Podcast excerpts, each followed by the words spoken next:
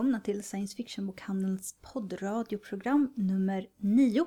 Idag ska vi prata om serier. Jag heter Jenny. Och jag heter Gabriella. När vi säger serier så menar vi inte tv-serier utan serieformatet album, strippserier och liknande. Jag var bland annat på seriefestivalen i våras och intervjuade Kate Beaton och Johanna Koljonen och Nina von Rydiger. Seriefestivalen heter det nu för tiden, det började för ganska många år sedan som SPX, Small Press Expo, som är ett internationellt namn på seriemässor för små förlag, oetablerade eller nyligen etablerade tecknare och indie-serier helt enkelt. Den har växt enormt mycket i Stockholm och tar nu upp typ tre eller fyra våningar i Kulturhuset. Gratis inträde och jättemycket intressanta gäster och föredrag. De har en del utländska gäster nu för tiden också. Ja, varje år så har de ett tema och 2014s tema var då Kanada. Så därifrån hade de flera olika gäster som Kate Beaton som framförallt är känd online för sin Hark a Vagrant. Väldigt modern serie i och med att det är gjort för internet och inte helt lätt att samla i bokform. Hon har gjort det men ehm, det är ganska krafsiga, snabba skisser som tar upp historiska ämnen eller kommenterar på moderna företeelser, kommer ut lite oregelbundet och har ett väldigt stort läsarfölje online. Hon är ju väldigt rolig tycker jag. Fast ibland förstår jag inte vad hon menar. Nej, men det är också, det hör liksom till att man får läsa den lilla fotnoten längst ner där hon förklarar att det här handlar då om en av Napoleons generaler eller det här tänkte hon på när hon läste tre Jane Austen-böcker och sen några sämre böcker skrivna i samma tid och lite sånt där.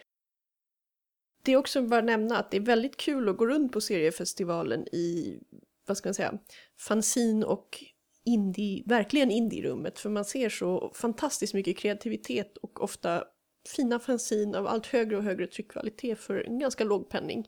Den hålls någon gång på våren varje år på Kulturhuset. Ja, vi kanske ska börja med att lyssna på din intervju med Kate Beaton.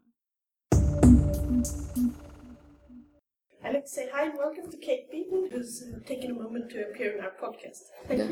you. Uh, no problem. You probably most know to our listeners regarding your webcomic and uh, now also a print comic, Hark a Vagrant. Yeah, probably. Would you like to tell us a bit how, how you started with it? Uh, sure. I started Hark a Vagrant in 2007. It was a continuation of comics that I had been making in university for my school paper.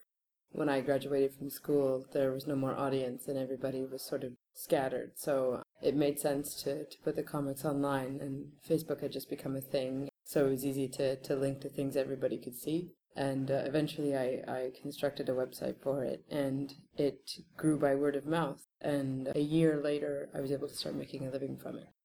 Yeah, it's really one of the most known webcomics, I think, even, Mm. so to speak, outside of the webcomic following audience too. Right, right. That means I have a, a very interesting readership. It's all over the place.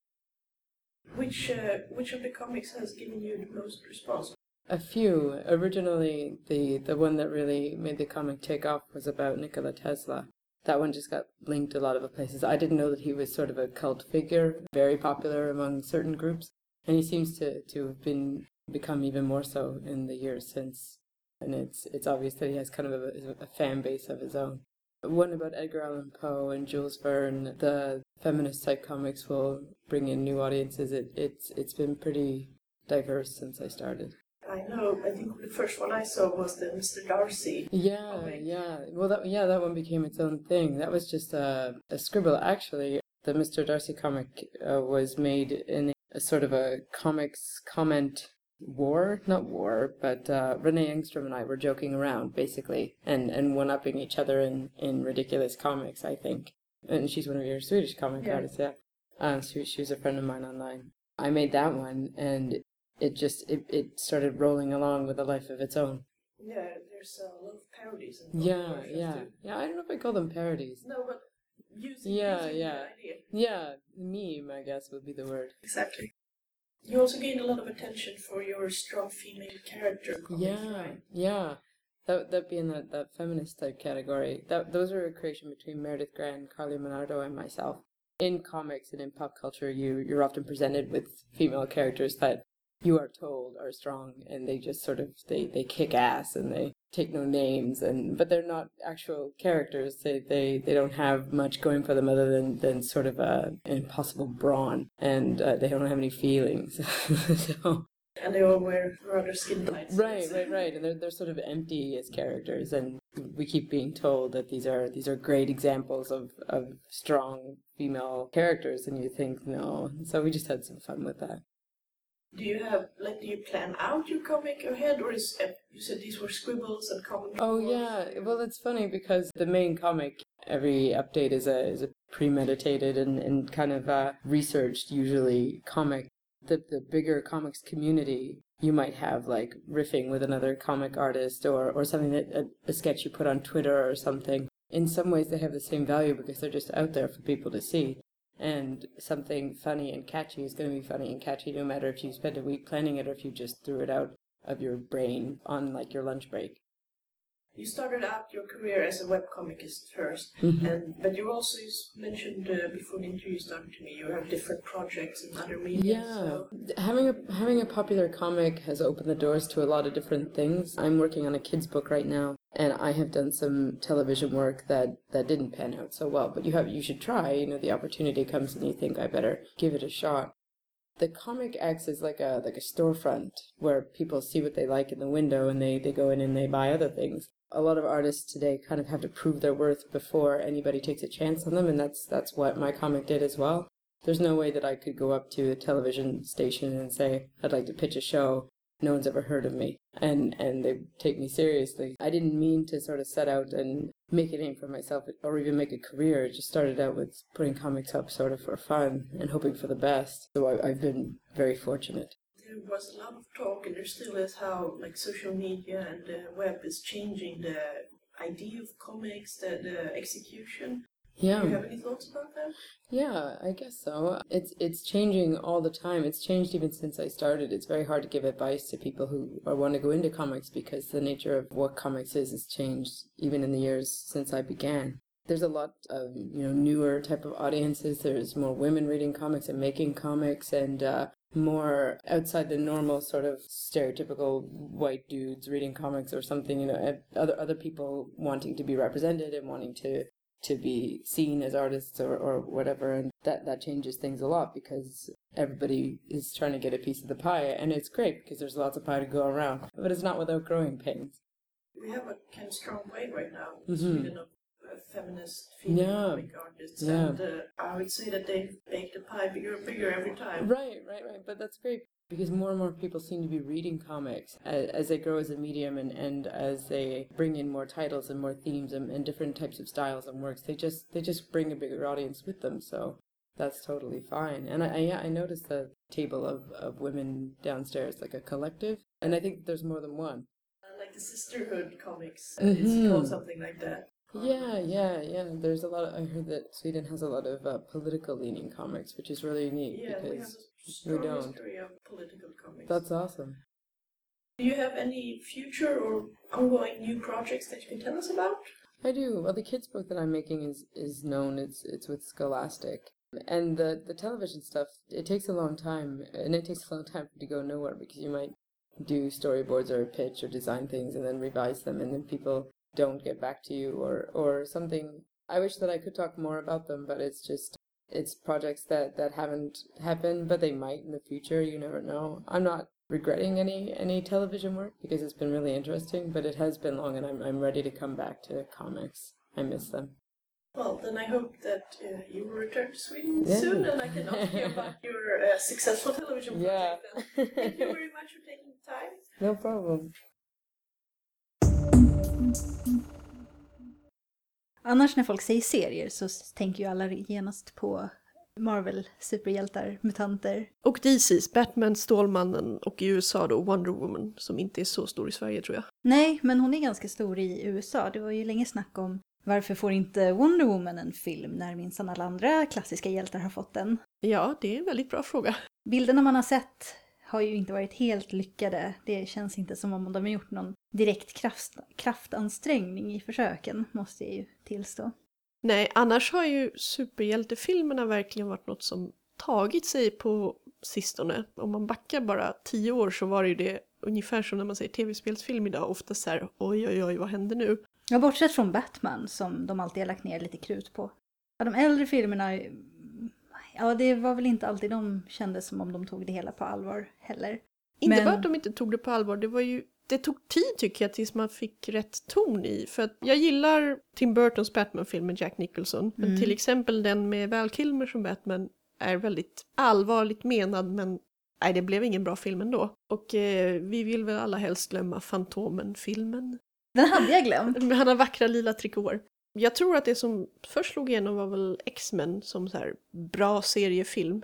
Och sen naturligtvis hela Marvel Cinematic Universe. Nu är det ju här en stor komplicerad fråga som vi inte ska prata så mycket om, men, men olika bolag som äger olika rättigheter till olika superhjältar. Så de gör filmer om olika superhjältar som egentligen känner varandra, men de får inte ha med dem i sina filmer och de får inte kalla mutanter mutanter. Nej, och de får inte låta Spindelmannen träffa Avengers fast båda i serievärlden så att säga bor i samma stad. Och... Ja, Spindelmannen har ju varit eh, medlem av Mm. Avengers en period också.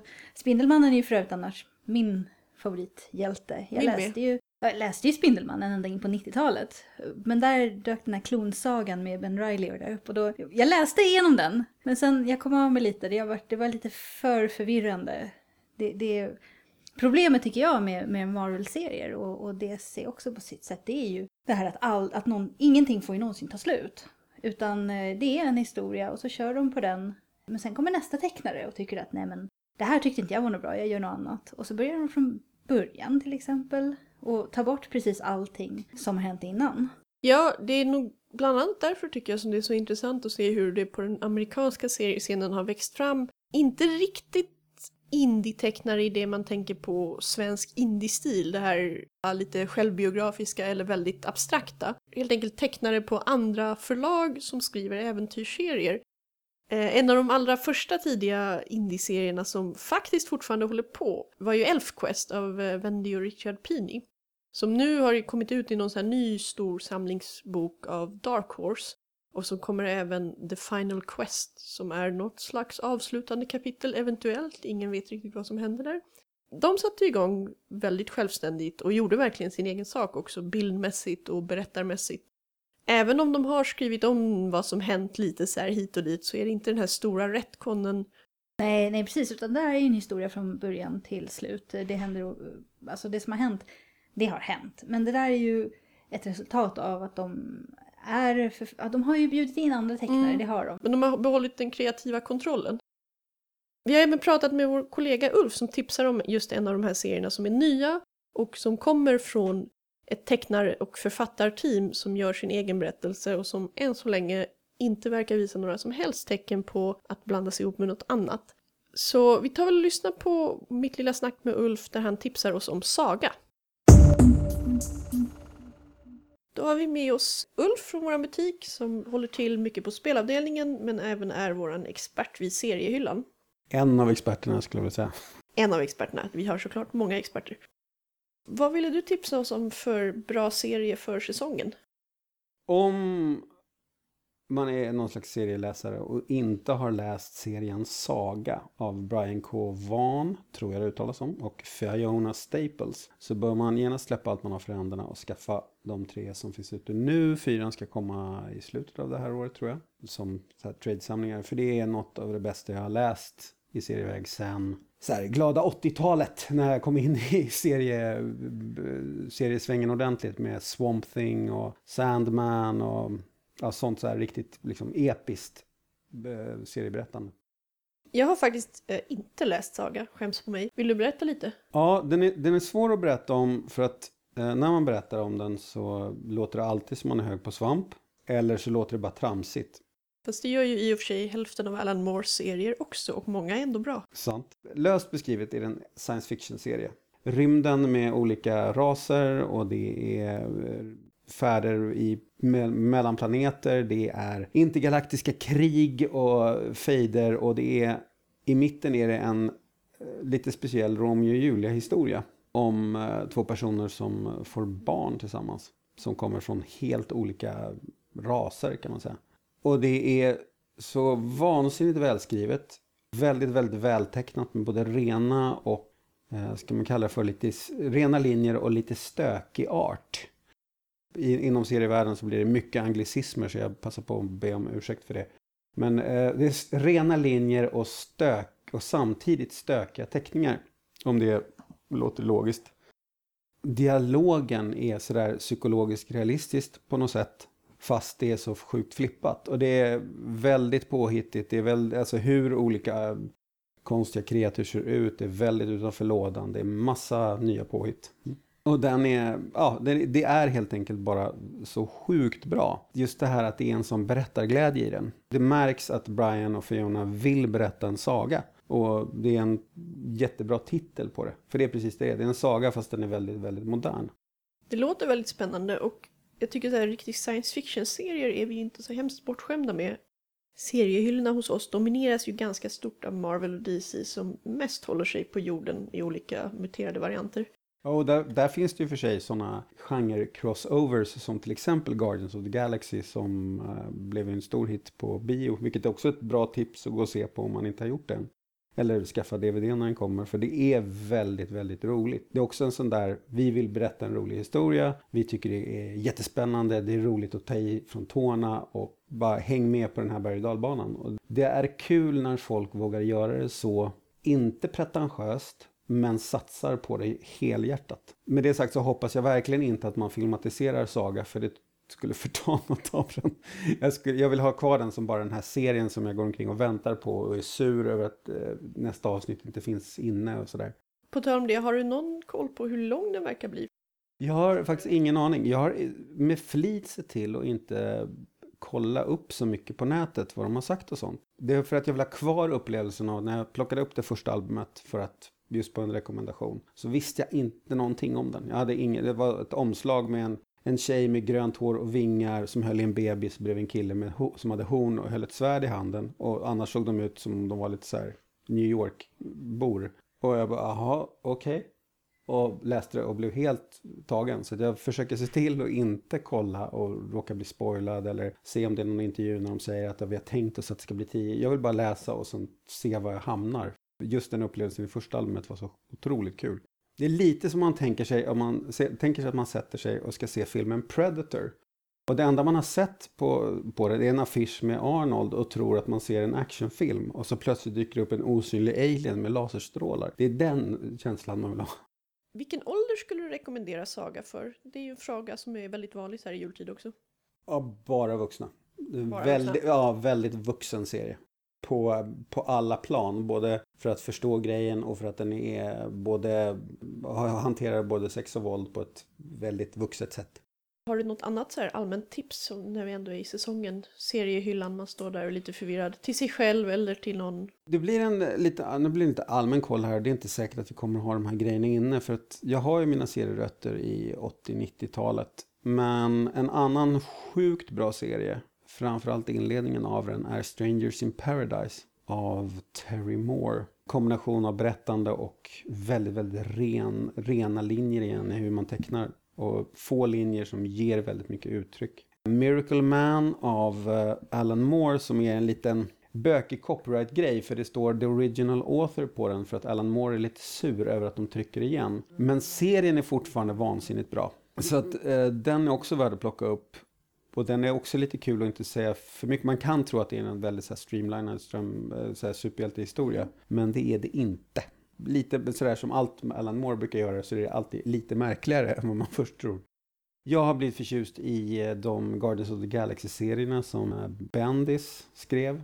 De är lite lekfulla och småtramsiga på ett kul sätt. Jo, det var ju en, en våg under framförallt 90-talet med väldigt, väldigt mörka, gritty superhjältar som de verkar ha släppt lite på. De låter folk Ja, leka det, mer. det får vara en sådär riktig rättskaffens hjälte igen. Det behöver inte vara tung bakgrund och eh, ond svår död och väldigt, väldigt bekymrade ögonbryn utan det får vara så här glada färger och eh, witty remarks som det så fint Mm. heter. Och det, jag uppskattar det. Jag tycker det är kul när man och det, för det är fortfarande inte lika, eh, vad ska man kalla det för, tramsigt som det var från början. Om man läser de här första där det liksom var Där allting skulle vara, någon, man försökte vara någon slags Tre Musketörerna fast dåligt. Och de, de led ju mycket, de riktigt gamla serierna om vi talar om vad är det, 50-60-talet, att, att de var väl påtvingade utifrån också va? så det passar ju bättre kanske för Batman att stå och se ångestfylld och deprimerad och tänka efter länge än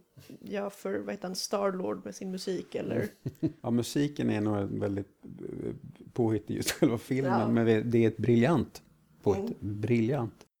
Annars skulle jag säga, alltså, jag håller ju på med spel också. Och där tycker jag nog att ett spel som jag inte har spelat än, men som jag har ögonen på och Eh, om inte annat vill gärna att folk skaffar så de kan berätta för mig om jag ska köpa det också, är ett som heter The Battle of Campbell's Cascade.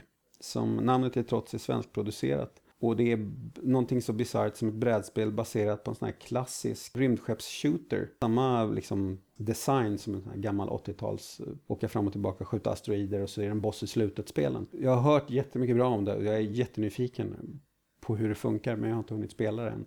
Och det ser väldigt, jag har väl en retroperiod, jag har blivit så gammal nu så jag blir så här, åh det är som när jag var liten. och det är bra.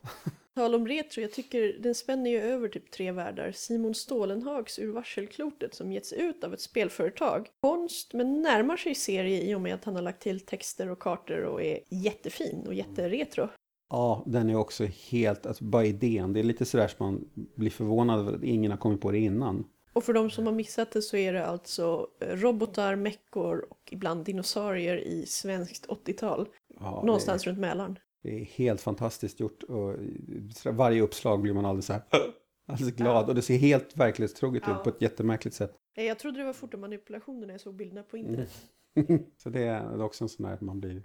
Det, och på tal om idéer som jag blir skitarg på att jag inte kom på själv. Så ett väldigt, väldigt så här sjukt underground-tips och kom ihåg var ni hörde det först. Om ni har någon slags varulvskänslor, sådär, ni tycker att varulvar är ett cool genre, så finns det en eh, bok som är någonting så märkligt som prosapoesi.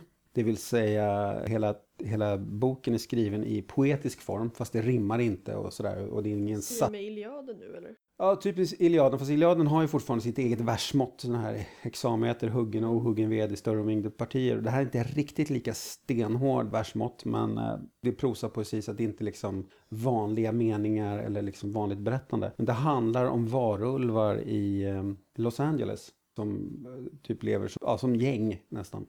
Och det är så sjukt välskrivet och det är så fruktansvärt roligt att läsa. Det låter jättespännande men jag tror inte jag uppfattade vad den hette. Den heter Sharp Teeth och den är skriven av Toby Barlow. Jag vet inte om han har skrivit något annat. Det, det är bara den jag har läst på grund av att jag har gjort mitt eget lilla mission att försöka hitta alla varulvsböcker vi har i butiken. Och den har jag hittat. Det är en sån här som få har upptäckt och fler bör upptäcka. För det är bra. Det är inte lätt, nödvändigtvis så himla lättläst men det är sjukt välskrivet. Och den söker man efter på vår skräckhylla. Ja. Under B som är Barlow eller så kan man fråga någon av Då måste jag också fråga innan jag släpper dig. Du är ju förutom att vara vårt stora varulvsfan även eh, Zombie-Ulf från eh, dagstexter. Har du något zombietips som kanske är lite mer underground än Walking Dead? Ja, det har jag. Börja med brädspel kan man säga. Så finns det två eh, som jag tycker är heads and shoulders eh, över alla andra. Och det är Last Night on Earth och sen är det Zombicide. Tyvärr är första, den kallas för Zombicide First Season. Den är tyvärr slut. Men vi har Second Season. Och det är en helt, ett helt fungerande grundspel på alla sätt så att det är precis likvärdigt. Och de två gör zombies väldigt rätt men väldigt olika. Så det spelmässigt så är det de två. Bokmässigt finns det, det är färre böcker som gör det riktigt bra. Men World War Z, för många lika mainstream och inte mer än Walking Dead. Men World War Z gör hela zombie-apokalypsen helt rätt genom att plocka flera olika historier och flera olika perspektiv och med det måla en helhetsbild på ett mycket berömvärt sätt. Tack så mycket Ulf! Så då är det bara att leta fram saga och varulvspoesin till jul. En av de första serierna som jag läste var ju ändå Gaimans eh, Sandman och Books of Magic som jag tycker är riktigt bra. Och eh, du har ju läst Hellblazer. Det är en skräckserie. John Constantine som är huvudpersonen kommer ur gamla Swamp Thing. Den är skräck och framförallt i sina tidiga fas, den är ju faktiskt avslutad nu med 300 nummer exakt. Men i sin tidiga fas så var den ganska politisk också. Till vänster beroende på tecknarna och författarna exakt vilka frågor de brydde sig om. Det är rätt kul att läsa nu. Det har kommit en ny utgåva som samlar de första albumen igen, lägger till lite extra sidokapitel och numrerar dem så nu står de i fin ordning i min hylla. Är det inte så att där också det har släppts en fortsättning eller den har startat om? Ja, de har gjort det har ju dels kommit en långfilm med Keanu Reeves för ganska många år sedan som inte hade så här jättemycket att göra med Hellblazer egentligen. Och som folk brukar säga att det är väl en ganska bra film så länge man inte tror att den har något med Hellblazer att göra. Och så är Tilda Swinton med som ängeln Gabriel, så det är fint. Men nu har de börjat med en ny tv-serie som heter Konstantin, vilket även den nya typ rebootade serien ska göra. Där han är yngre, vad jag har förstått. Den utspelas i nutid. Jag vet inte så mycket om det nya Konstantin-seriealbumet för jag har inte hunnit läsa det. Tv-serien har än så länge fått lite så här blandade recensioner. Folk säger att det börjar ta sig, skådisarna verkar bli varma i kläderna nu, det har gått ett par avsnitt och även om alla berättelser inte har varit så fantastiska så verkar det vara lovande. Jag har hört flera som har jämfört med de tidigaste säsongerna av Supernatural, att det är liksom ja, ett skräckfilmsavsnitt eller skräckinspirerat avsnitt. Däremot har de ju tonat ner blodet, rökandet, John Constantine kedjeröker, vilket jag tycker är lite synd att de tar bort för att det är en, en av de bästa berättelserna handlar just om när han får lungcancer och ska försöka lösa detta på sitt eget vis. De har även enligt seriens regissörs uttalande i olika tidningar och så tagit bort att huvudpersonen John är bisexuell för det tyckte han inte var relevant tydligen. Det är ju en amerikansk kanal och bero, alltså beroende på vilken amerikansk kanal serier går på så kan man göra väldigt olika saker Mm. och bli, har tillåtelse att göra väldigt olika saker. Så det var ju många som sa, nu kommer jag inte ihåg vilken kanal det är, men det var många som sa det att när den går på den här kanalen, ja då kanske man inte kan förvänta sig att den blir sådär fruktansvärt autentisk på de områdena som i allmänhet producenter i USA är lite rädda för att Ja, jag tror att det är väl framförallt så här årgångarna av 90 till 95 eller något, där mitt i serien någonstans, eller tidiga andra halvan, så blev den jätteslafsig. Alltså Hellblazer-serien har Väldigt mycket blod och inälvor alltså. blod, inälvor, bajsblandat blod och, och, och the fuck pig, demoner och massa grejer. Det var en upplevelse att sitta och läsa på serieteket. Det var ju prat ett tag om att, att göra en tv-serie av Sandman, men det blev aldrig riktigt någonting av det. Nej, och sen läckte så här, äh, vad var det, långfilmsmanuset som också var prat om ut. Och alla sa, åh tack gode gud att det inte blev något av det här. Jag Även Neil. Gaiman tror jag. Ja, ja, men jag kan förstå det, för den känns lite ofilmbar. Ja, det är ju en väldigt metaberättelse. Alltså drömkungen av, eller inte kungen av drömmar utan liksom inkarnationen av själva begreppet dröm som råkar ut för äventyr och missöden och ställer hela till hans- det för sig. Ja, och hela hans eh, släkt som också är Mm. personifikationer av olika saker som till exempel förstörelse, eller hur? Och död. Och... Döden. De har namn som börjar på D allihop i, på engelska så lättare att komma ihåg dem. Dream, Destiny, Death, Desire. Ja, hon som är Delirium nu som Ja. brukade vara Delight och hela historien bakom det. Nej, jag har, jag har svårt att se hur man kan göra någonting av det faktiskt. Jag Nej, tror man kunde göra ett bra tv-spel. Alltså om man var en figur i den världen och, och gick runt och så här mötte mystiska varelser och så. Och sen, ja, sen beror ju allting på vem som gör det. För att Mm. man kan göra väldigt mycket nu för tiden Mm. med den teknik som finns. Däremot en annan serie honom, den här Books of Magic som är lite äldre, den, den skulle jag kunna tänka mig eh, skulle bli en väldigt bra tv-serie. Den handlar om en ung glasögonprydd pojke med en vit uggla som lär sig magi. Och Den kom kände- före Harry Potter. Ja, det är det som är det roliga. Den kom ju före Harry Potter. Och det är en tecknad serie. Så jag, jag kan tänka mig att man kanske inte känner att man kan göra det just nu av diverse anledningar. Men vi Gaiman och seriefans har ju i alla fall fått lite mer Sandman. För Sandman Overture kommer ut nu. Den är än så länge bara tillgänglig i tidningsformat men det är en samlingsbok på gång. Och jag har läst första, ja, första kapitlet, första tidningen. Den är jättefint tecknad. Vilket verkligen är roligt att se för Det Sen- kan måste man ju säga om originalserien att det är väldigt växlande kvalitet på tecknarna. kvalitet och stil. Och nu har de i alla fall i de nya utgåvorna fixat färgläggningen som också bidrog till att vissa gamla kapitel när det först begav sig såg lite så här konstiga ut. Det har ju även Neil Gaiman sagt att de hade inte alltid tid att fixa och korrläsa allting som det skulle. Så han var väldigt nöjd med, inte retuscheringen, men uppfräschningen som gjordes. Vi har också en seriekultur i Sverige som växer och växer, i alla fall i den kreativa sidan. Jag tror tyvärr inte att det går fullt så bra ekonomiskt för alla förlag, men det har kommit ut väldigt mycket nyare intressanta serier på sistone tycker jag. Ja, men där är ju en brist tycker jag i hur serievärlden ser ut, har sett ut i Sverige i åratal. Mm. Eh, det finns ingen riktig grund för de här nya tecknarna att, stå på eh, när det gäller skönlitterära serier helt enkelt. Utan det är seriestrippar som har hjälpt i Sverige. Det är antingen eh, svart självbiografiskt i seriestrippform eller lite så här humoristiskt i seriestrippform. Och, det, och sen de här franska och belgiska serierna som har funnits eh, länge. Men det, och det är väldigt mycket antingen barnserier eller så är det humor eller ironi. Men äventyrsserier Mm, med en men sammanhängande historia, det är någonting ganska nytt i Sverige. ja, i alla fall så att man kan få tag i det på ett lätt sätt och liksom sätta det på hyllan för att det är ju tyvärr en tendens både med översatta serier i, till svenska och de som ges ut här att det har varit väldigt små upplagor. Jag har börjat samla på diverse olika saker när jag var tonåring som det bara, ja, det kom två delar av fem eller något sånt där. Nu börjar det ändå bli bättre tycker jag. Jag tycker att Koliks förlag utgivning har varit intressant. Allt faller mig inte i smaken men det har kommit liksom så mycket att man kan börja välja. Vi har även haft de här olika danska förlagen, vad heter de, Fara och cigarrer som har översatt Möbius-serier. Det är en, en av de stora franska tecknarna. Och eh, andra, jag kommer inte ihåg alla för det är smått Kobolt som har bland annat gett sig på ut Linda och Valentin och kommer Torgal också nu så det är två riktiga klassiker som kommer i fina utgåvor. Apart förlag har ju hållit på och de, de ger ut Walking Dead och det har kommit bra många av den. I jämn kvalitet, ryggarna ser snygga ut bredvid varandra och så. Det här är mycket viktigt om man samlar. Det är viktigt och det, det är en stor brist hos svenska förlag tycker jag, både när det gäller böcker och serier, att de har aldrig riktigt klarat av det här med att eh, loggan ska sitta på samma höjd på alla bokryggar och texten ska börja på samma höjd. Utan det brukar vara lite olika. Ja, jag kommer ihåg, jag köpte en gång Pirates of the Caribbean i en box de tre första filmerna i present. Och alla ryggar såg helt olika ut. Och det är ändå så här, hur, mycket pengar har inte de?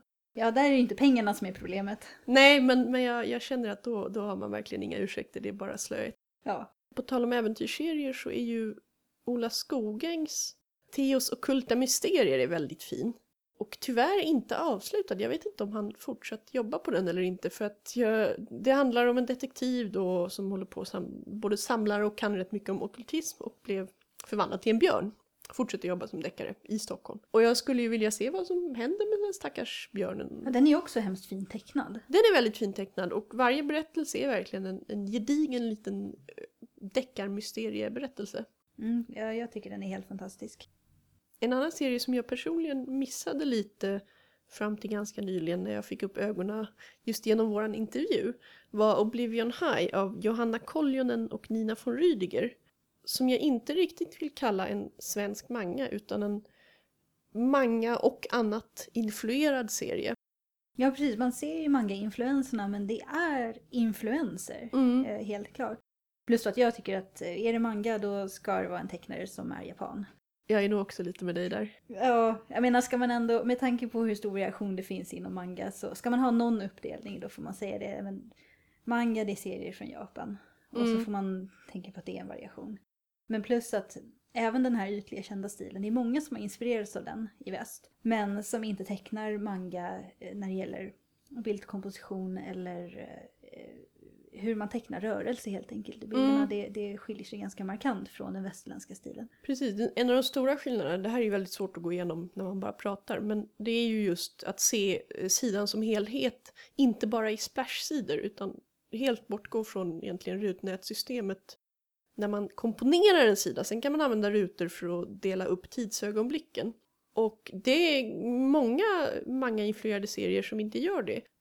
Och jag tycker att ju, liksom, ju mer tiden går desto mer flyter ihop. Framförallt tredje delen av Åsa Ekströms Sayonara September har väldigt mycket fin bildkomposition. Men hon lutar sig ganska starkt i den tycker jag på en, en liksom västerländsk seriegrund. Och jag tror att det är därför jag tycker den blev bättre och bättre när hon vågar luta sig på det fast hon använder, eh, hur ska jag säga, manga-ansikte-estetiken. Som hon hittar mer av sin egen stil. Mm. Ja, det är ju det är ett ganska bra uttryck. Det är ju det som många, ja väl alla västerländska tecknare gör. De använder sig av manga-ansiktsestetiken som du säger. Väldigt genomgående att det är, det är karaktärsdesignen som de inspireras av och inte så mycket annat.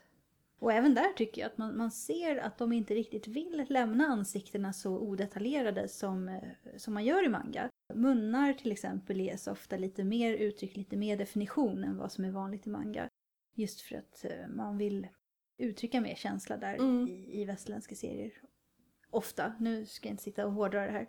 Nej, men, men det har kommit, precis som man tydligt kan se den här, äh, det som de kallar den rena linjens stil, fransk och belgisk, eh, dess influenser är ju väldigt tydliga i ja, bland annat Ola Skogäng men också många andra svenska tecknare serier.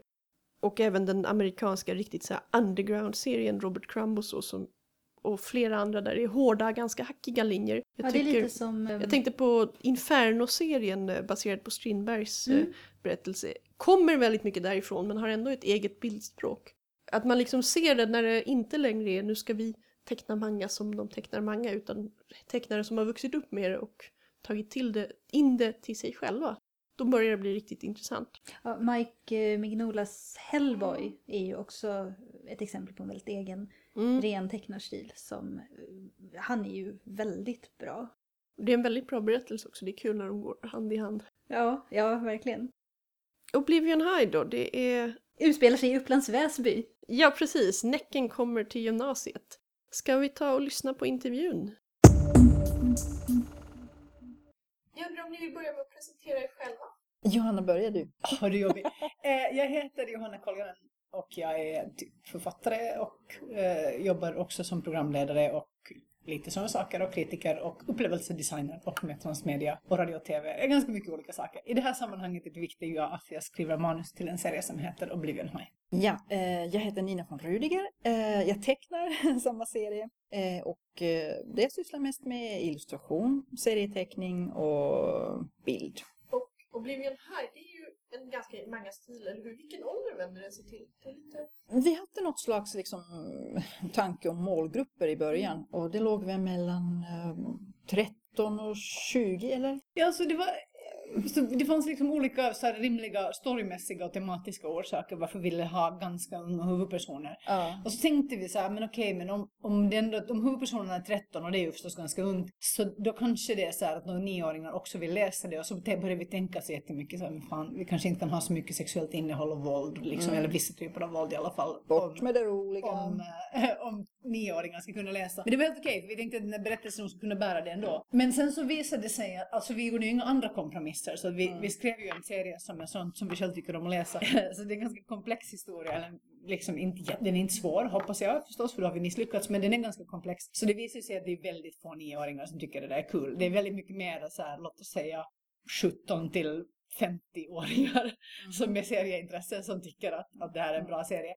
Måste det påpekas att eh, våra hardcore-fans, den yngsta eh, är 8 och den äldsta är 80. Men vi märker ju det, bokhandeln säljer mycket young adult fantasy science fiction och det är ju en målgrupp 15 till 18, 15 till 20, men Mm. det läses minst upp till 30. Ja men det är, det är absolut, och det är också så, vi tänkte väldigt mycket när vi började jobba liksom i någon sorts high school-miljö, det är alltså en svensk högstadieskola, men, men den har eh, också influenser, inte bara från då vår seriösa research ö- över svenska skolor idag, utan också från, från liksom high school-genren och, och jättemycket young adults som jag läser också böcker och så här själv. Och sen ska jag säga att vi den, nu i den nya boken då så, är den andra volymen så, vi släppte bara det där med de där nioåringarna, vi bara ah, fuck it, alltså de är så få, vi behöver inte cater till dem, och de som var nio för några år sedan har väl hunnit bli elva nu, så nu liksom inga nya nioåringar är välkomna ombord, för nu är det mycket mer sexuellt innehåll och så. Det handlar ju om att Näcken börjar på högstadiet, Uh, och Näcken i Folktron är ju typ en uh, figur som handlar mycket om, om sexualitet och passion och um, det blir, låter väldigt pretentiöst, det, känns, det ska inte kännas så här när man läser, men, men det handlar ju också om identitet. Vem är jag? Om jag kan vara vem jag vill vem skulle vilja förvandlas till? Och sen den där, när man är så, när man känner saker så starkt att det svartnar för ögonen, den känslan som man börjar få där någonstans vid 13 och som man kanske man har inte den på samma sätt när man är yngre. Och sen så håller det ju där i sig tills man är typ jag vet inte när det tar slut, det är väl lite individuellt. Man 22. är vuxen. Nej men, alltså, man, men det finns någonstans en underlig sån period som peak, alltså någonstans, all, alla människor väl liksom på något sätt knäppa mellan ungefär 13 och 28 och sen brukar man sansa sig lite grann. Men, men det är liksom, och- och- men det är det fönstret där man har de här superpassionerade känslorna. Mm, Du är lite optimistisk nu med åldern tycker jag. Ja, vissa av oss kanske inte liksom har lugnat oss ens efter 28. Mm. Men, men, men det är ju någonting annorlunda när man är kär när man är 17 så blir det ju så här. Detta är det viktigaste som någonsin har hänt. Eller liksom om man har en vänskap så känns det så här. Det här är det, jag har de roligaste vännerna som någonsin har existerat i mänsklighetens historia. Jag tror att jag faktiskt tänkte så ett tag när jag var tonåring själv. Att mina vänner var så här de bästa vännerna. Nu, jag fattar ju att så här, det är statistiskt osannolikt att jag, ju- just jag skulle ha haft de bästa vännerna just i den åldern. Men, typ. men den känslan vill vi gärna ha med i serien. Hur, eh, hur jobbar ni med, med att bli den här? Du skriver manus, du tecknar, eller gör, är det en process ni gör tillsammans? Eller hur har, och har också, du berättade lite att ni har ändrat på åldersinriktningen under, under arbetets gång. Har det hänt andra saker, överraskningar, eller har ni allt superspikat? Mm, jag tycker det var en väldigt organisk process. Så att eh, där vi började, eh, det var inte ens i närheten av vad som slutresultatet är. Vare sig teckningsmässigt eller storymässigt. För att Johanna har ju byggt det till en mycket mer komplicerat universum. Och jag tror också att eh, karaktärerna har utvecklats mer än vad vi tänkte i början. Eh, mytologi, delarna har blivit mycket mer omfattande och, och som sagt eh, trots att jag säger det själv, Johannas sätt att skruva till en, en klassisk Kalevala-myt om Aino är ju helt fantastisk. Och det är också, vi har ju tio år sedan vi började med det här projektet.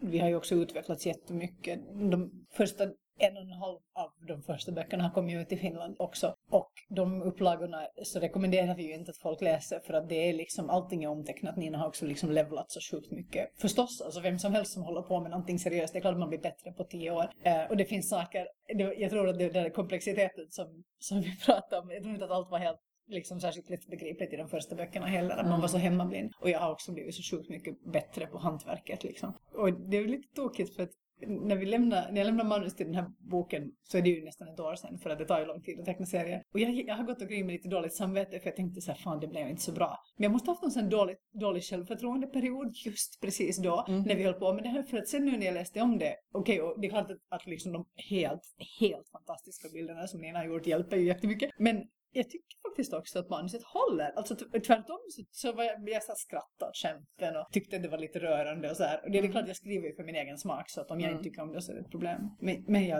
är jävligt stolt över den här boken och nu har jag helt den motsatta ångesten som är så här, hur fan ska vi kunna toppa det här? För det här blev väldigt bra. Mm, alltså, jag tror inte det blir något problem. ja, men vi gjorde vårt bästa i ettan och det blev bra. Och sen levlade vi och så gjorde vi en bättre tvåa. Vi kommer levla och göra en bättre trea. Så enkelt är det. Jag tycker, jag tycker det låter som det bästa problem man kan ha ändå med en bo- pågående bokserie. Men det här blev ju så bra. Det blir bättre. Mm. Ja. ja, det är nog ett lyxproblem, det får man ju, det får man ju medge.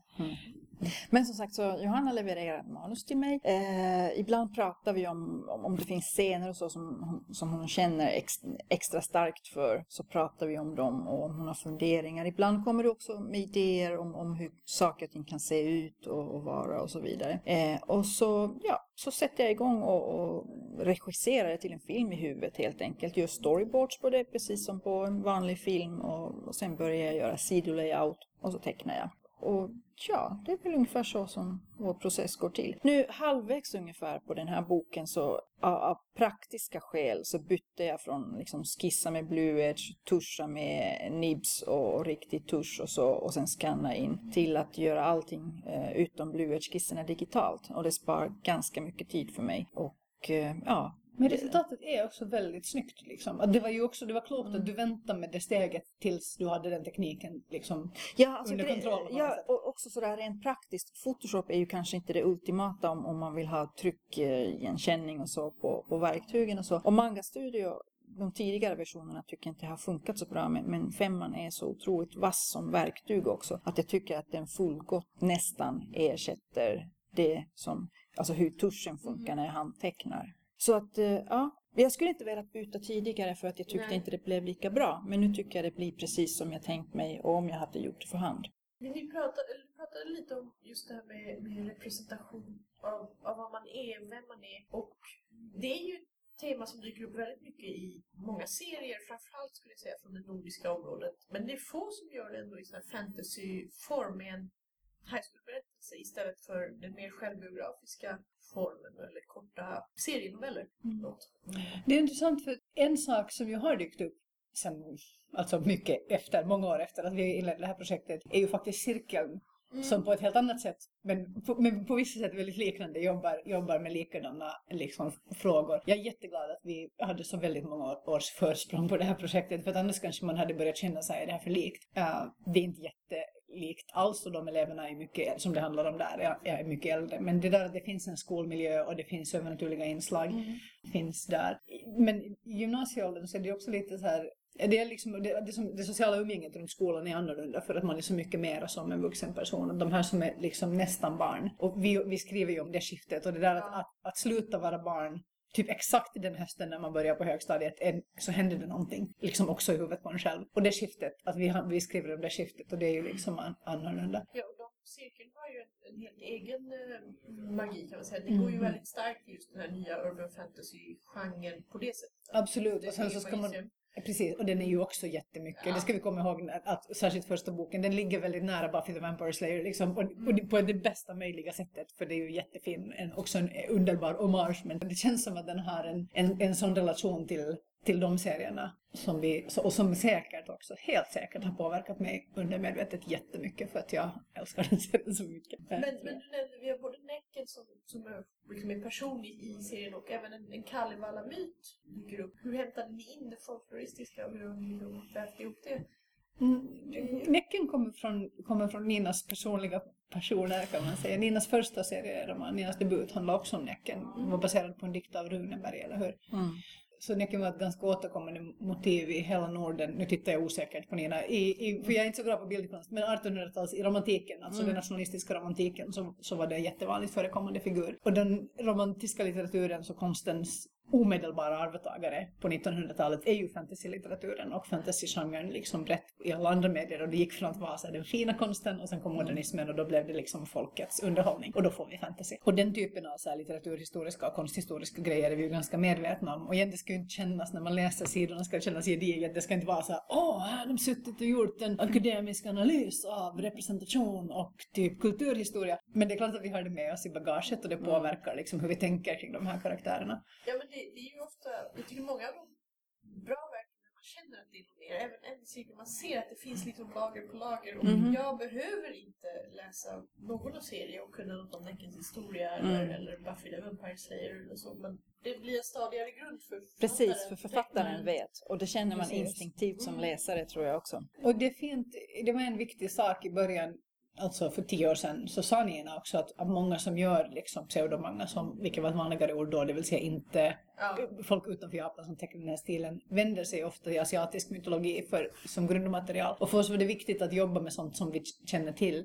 Dels av lättja, eller liksom praktiskhet. Till exempel så det utspelar sig i Upplands Väsby, för vi bodde i Upplands Väsby, lätt att gå ut och ta referensbilder för miljöerna. Men också för så här, vi har båda gått i skolan i Finland och där är Kalevala som är Finlands nationalepos. Liksom någonting som man utsätts för. Så att, så att alla kan de här, alltså en handfull av de centrala berättelserna är, är fullständigt så allmängods, alla känner till dem. Men sen är det också så apropå stilen då att vi såg ingen större mening att, att göra en kopia på någonting som man gör i Japan.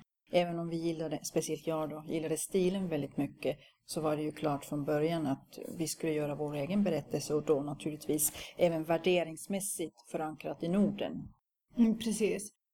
Och där fanns, fanns det faktiskt, alltså vi pratade ganska länge i början, kommer jag först ihåg. Alltså det känns som att mycket av de första åren, alltså de första 25 sidorna, man ska säga de första kanske 50 sidorna tog hur länge som helst.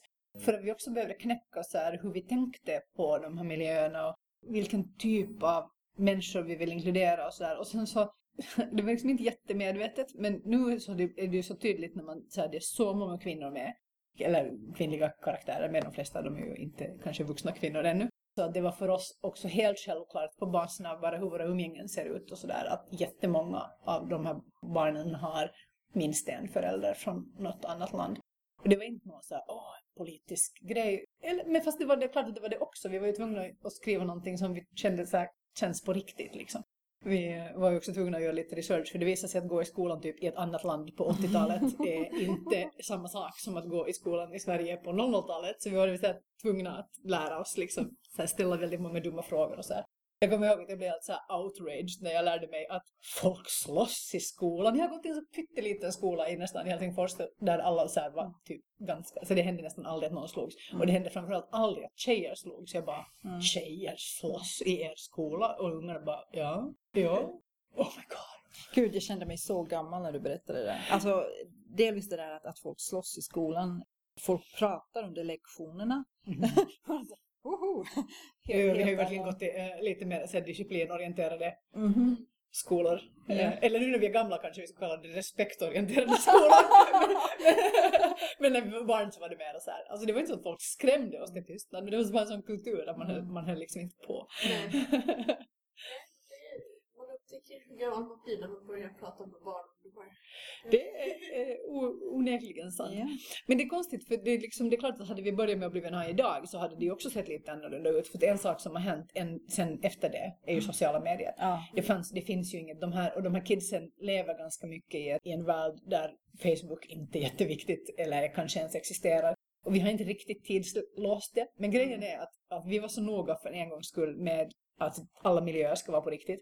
Och de jävlarna i Upplands Väsby har ju rustat upp och byggt om skitmycket. Så, särskilt runt stationen. Så det finns en pressbyrå som figurerar liksom i boken som inte existerar längre. Ah, jag blir så trött när vi äntligen, vi verkligen ansträngde oss och sen de ändrade. Men då kan man tidsbestämma det. Så, här, men okej, det här är typ 2006, 2007 någonstans. Där Men någonstans är vi. apropå det, jag tänkte på det när, när jag korreläste, eh, alltså korrektursläste inför trycket nu på tvåan. Eh, jag tittade på mobiltelefoner och i ettan har de ju alla clamshells. Ja. Medan nu börjar det liksom figurera platta varianter i, alltså ja. Ja, det är svårt att vara konsekvent liksom. Vi får bara, där fuskar vi liksom lite. Men, men vi tänker mycket och det har alltså Aino-berättelsen i Kalevala är en berättelse om en, om en ung flicka som eh, blir bortgift mot sin vilja av sin idiotiska bror som Nordisk hederskultur. det är, det är en hederskulturberättelse. Och hon blir bortgift med en mäktig mag magiker som heter Väinämöinen som är mannen som typ skapade universum genom sin... Mm, typ sådär äldst i universum, så Precis. hur roligt är det? Ja, så hon vill förstås inte vara med honom för ur hennes perspektiv är det bara en gammal gubbe och hennes mamma är bara så här: yes! Äntligen får vi någon makthavare i familjen typ. Eh, hon rymmer och sen dör hon. Och det här är alltså bara backstory, det här är inte så viktigt för, för boken. Och sen, så, och sen finns det typ en liten sån konstig grej typ i Kalevala att hon kanske förvandlas till en fisk. Lite oklart. Men det kan vara så att hon förvandlas till en fisk. Vi blev båda vi har gått omkring och liksom båda sen skolan när vi har lärt oss den här berättelsen och bara så här, fan det är, inte, det är inte schysst. Det är inte schysst att hon ska behöva dö för, för en sån här. Och Hon är också en idiot vill jag, vill jag säga. Hon är, en, hon är en dryg tonårsbrud som liksom också behöver skärpa sig. Men hon förtjänar självklart inte att dö för att det är liksom helt orimligt. Eh, då så tänkte vi att det skulle vara häftigt om hon skulle vara superskurken. Och den typen av eh, beslut tar man ju, kanske lite ogenomtänkt. Eh, och sen så sätter man sig ner och funderar på varför. Vad kan ha gjort henne så bitter? Vad kan ha gjort henne så besviken? Ja, den här inledningsvis, den här feodala och patriarkala strukturen som så här dödar henne. Den är ju en ganska bra orsak att vara bitter. Och sen ser vi vad händer då med henne i den här underjordiska världen där de här gudarna finns. Och där hon har häckat de senaste tusen åren. Vad har hänt med henne där? Ja men typ om det ska ge någon mening för henne att vara fienden så kan det ju inte ha varit så bra saker. Det måste ju ha varit rätt jobbiga grejer. Så där så hamnar vi ju solitt i traditionen, eller i den här, vad ska man säga, den samtida fantasyvärlden där det, är inte så svartvitt. Det, det finns Nej. inga entydiga skurkar och det finns inga entydiga hjältar. Och Nick som ändå är Näcken alltså som är vår huvudperson, han är ju liksom basically en mördare.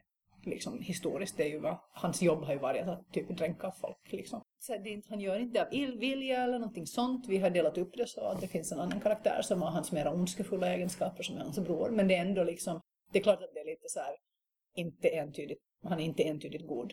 Eh, för de berättelserna känns jättegammalmodiga idag. Men han är ju varken god eller ond. Nej men det är ju det, de är Han är eviga ju bara. bortom våra. Björk är både folksagorna och det lilla jag läste av, av Kalevala och, och sett på teater så det är precis som med de grekiska gudarna också. Det går inte att säga att de är goda, onda. Mm. Alla gör sitt jobb och sen Ibland blir det bra, lite ibland inte. sidan om Mm. och precis.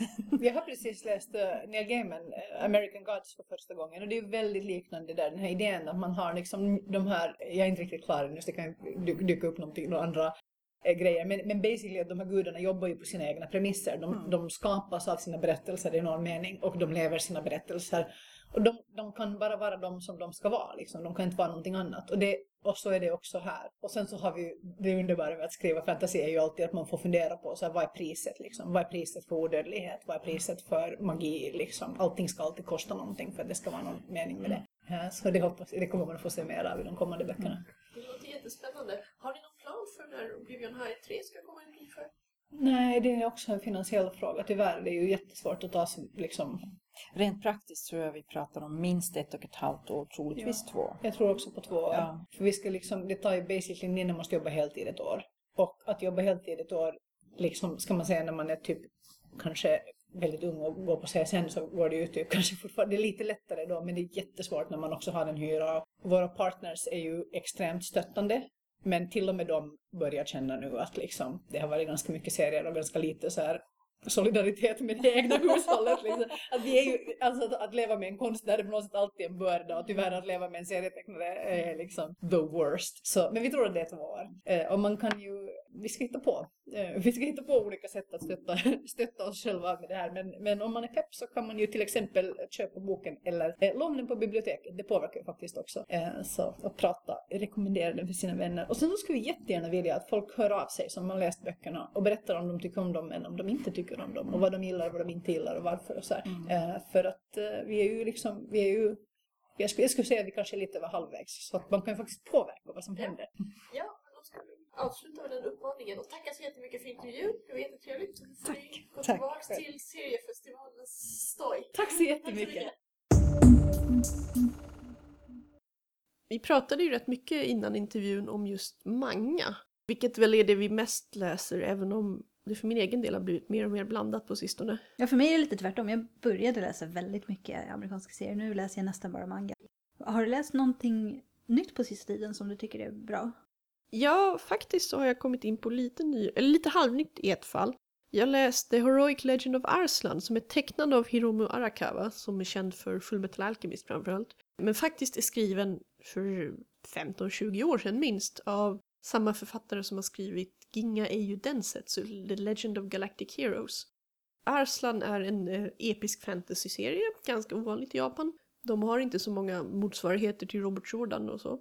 Nej, de brukar köra lite blandat science fiction och fantasy i, i liksom, och ganska mycket mer moderna miljöer än eh, klassisk episk fantasy. Ja, den här utspelas i en fantasyversion av Persien, vilket inte jag insåg förrän jag läste. Det finns två delar ute på engelska nu och de är bra. Det kom en anime för en herrans massa år sedan som bara var tre eller fyra avsnitt som man fick se i början av berättelsen och sen aldrig något mer.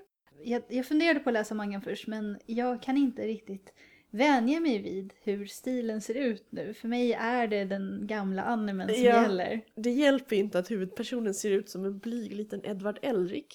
Alltså alla andra kan jag på något sätt handskas med för de är egna karaktärsdesigner men hennes, hennes Arslan ser precis ut som Edvard Elric. Men eh, när man läser ett par kapitel så kommer man ändå in i det och det är en intressant historia. Sen har jag också läst en, en riktigt ny manga så att säga, Noragami av Adachi Chitoka som verkar vara en debutant på författarområdet. Hon har skrivit sitt efterord, att hon har tecknat andra manga förut men då har hon skrivit storyn så att säga. Den handlar om en gud som inte har några tillbedjare som försöker desperat skaffa sig några. Mest genom att så här, kluddra sitt namn och telefonnummer på diverse ställen där folk som är i behov av hjälp kan se det. Typ så här, skoltoaletter och sånt. Och sen gör han då småtjänster. Men det är bara där det börjar. Sen blir det en ganska actionspäckad serie med övernaturligheter och han verkar ha enormt förolämpat stridsguden Bishamonten någon gång. Han verkar själv ha varit någon slags mycket viktigare stridsgud än han är just nu.